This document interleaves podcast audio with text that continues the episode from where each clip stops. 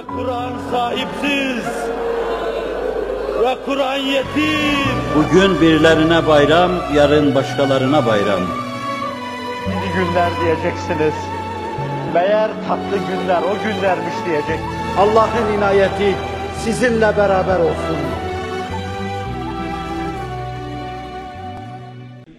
Cahiliye devrinde eyyamın elinde melabe, ayaklar altında paymal çiğnenen kadın, ırzıyla, haysiyetiyle, namusuyla çiğnenen kadın, evde bulunması ar sayılan kadın, o günün cahiliyenin insanı keşke evimizde bir kadın bulunmasa diye düşünüyor.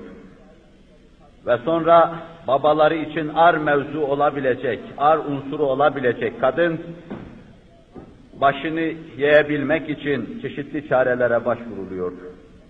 Bazen diri diri gömüldüğü, kuyulara atıldığı, çölde yapayalnız tek başına bırakıldığı gibi evde kaldığı zaman da hor hakir görülüyordu. İstihkar ediliyordu, bir insan olarak yüzüne bakılmıyordu. İşte tam bu dönemde, beşerin canavarlardan bağışlayın daha yırtıcı hale geldiği bir dönemde, anarşinin bütün afakı sardığı bir dönemde, ister kadına ait ister erkeğe ait olsun bütün haysiyetlerin çiğnendiği dönemde, gökten şefkatli bir melek gibi inen, Kur'an-ı Mucizül Beyan, Resul-i Ekrem Aleyhisselatü Vesselam'ın eline verilen ferman-ı Sübhan, kadının elinden tutmuş, bu bataklıktan onu evci kemali insaniyete çıkarmıştır.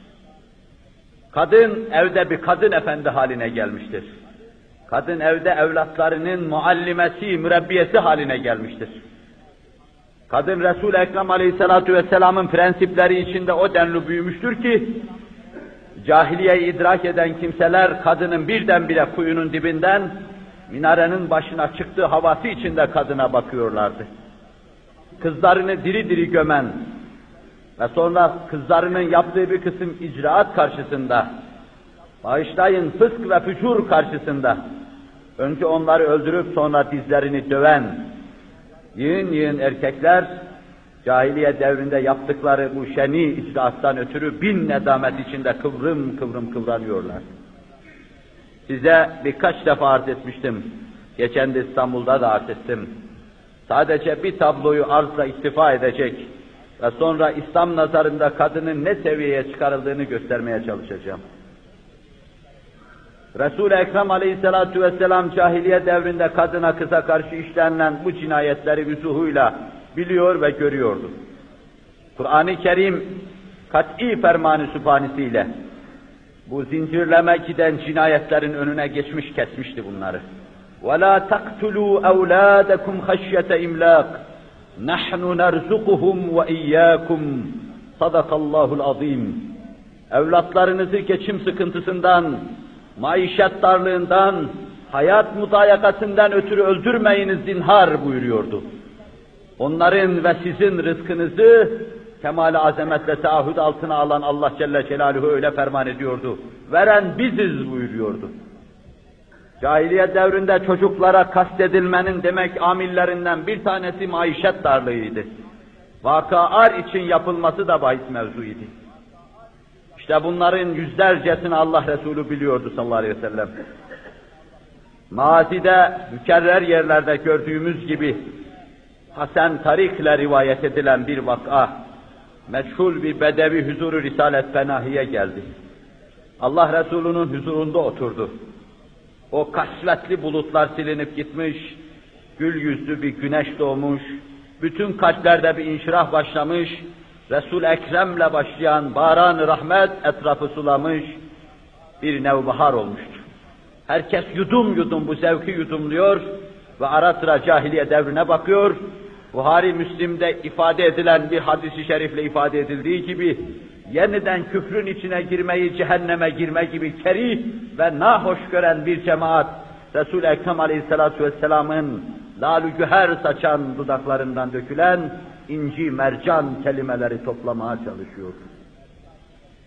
Bedevi fırsatı yakalayarak cahiliye devrine ait bir çirkin tabloyu Resul-i Ekrem Aleyhisselatü Vesselam'a intikal ettirdi bu gül devrinde onlar sadece o devre ait çirkinleri anlatmak ve bu devri bütün hüzuzatıyla yaşayabilmek için vakalar, menkıbeler olarak anlatılıyor.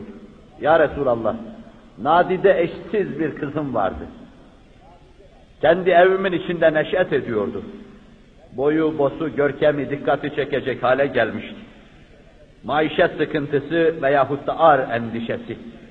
Ya ileride birisiyle gayri meşru düşer kalkar beni mahcup ederse, ya beni bu cemaat içinde yere baktıracak bir suç irtikap ederse, bir taraftan kızımın boyuna bosuna bakıyordum, bir taraftan da ileride vaki beni daidar edebilecek endişelerimi hayalimden geçiriyordum.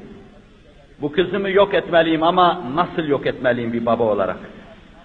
Nihayet öldürmeye karar verdim. Elinden tuttuğum çöle götürdüm. Bir kuyunun başına gitmiştik, bekliyorduk orada. Ben yalancıktan kuyuya bakıyor gibi yaptım. Masume hiçbir şeyden haber yok. O da kuyunun içine bakıyordu. Benimle bakıyordu. Halbuki ben kuyunun içine bakarken bile neye baktığımı görmüyordum. Bakışlarım bulanmış, bütün hayalimi kızımın sevgisi ve bir taraftan da istikbaldeki ar endişesi sarmış. Muvazeneli değildim. Ölçülü karar verememiştim belki. Tam o gafilane bakarken ben geriye çekildim, sırtına bir tekme vurdum. Baş aşağı kuyudan aşağıya giderken babacığım babacığım diye sesi geliyordu. Döndüm ağlayarak eve geldim. Allah Resulü o kadar bilgir olmuştu, o kadar kalbi kırılmıştı ki hıçkıra hıçkıra ağladı ve bir daha anlat şunu dedi. Anlat da şu tablonun şenaatı karşısında İslam'ın getirdiği parlak devir bütün vüzuhuyla görülsün. Anlat anlat da kadının ayaklar altında paymal olduğu o devri nazara ver. Kızın yüzüne bir insan olarak bakılmadığı o devri nazara ver. Ve sonra İslam'ın gül devrini, onun getirdiği çemenzarı, Bağistan'ı ve bostanı millet yüzuhuyla görsün. Görsün de iliklerine kadar zevkiyle yaşasın diyor. O bir daha anlattı. Yine nebiler nebisi hıçkıra hıçkıra ağladı. Sahabi dilgir olan, rahatsız olan kalbi paki nebeviyi daha fazla rencide etmemek için Bedevinin ağzını kapadı geriye aldılar. Kadın işte bu denli ayaklar altındaydı. İslam bir kadın anlayışı nesçetti. Kur'an bir kadın anlayışı getirdi. Resul-i Ekrem sallallahu aleyhi ve sellem her şeye rağmen pratik hayatta bunu ikame buyurdu. Kadın o hale geldi ki, Efendimiz sallallahu aleyhi ve sellemin saadet hanesinde kadınlar, bütün müminler tarafından müminlerin anası olarak tanınıyordu. Hazreti Ayşetül Kübra radıyallahu anha hazretleri, o kadınlık aleminin tacı, taclarda sorgucu, büyük kadın. Kadınlık alemi İslami hayat adına yüzde seksen ona borçludur. Onun gibi altın bir kanal olmasaydı, kadınlık hayatına ait mesaili diniyenin kadın alemine intikal etmesine imkan yoktu. O zeki kadın, Allah Resulü vefat ettiği zaman 22-23 yaşındaydı. Ama bir ilim dağarcığı halindeydi. Doldukça dolmuş, teviline, tefsirine kadar her şeyin. Ve daha sonraki nakkadın rahatlıkla hadislerine başvurup alabileceği büyük bir muallime, mürebbiye haline gelmişti. Bu kadın daha sahabi devrinde babasının ve Hazreti Ömer'in devrinde büyük bir kadın olarak tanınıyor, herkes tarafından ana deniyordu. Afgani'nin beyanına göre kritiğini yaparak diyor ki Hazreti Ebu Bekir bile kızına ya ummah diyordu, anacığım diyordu.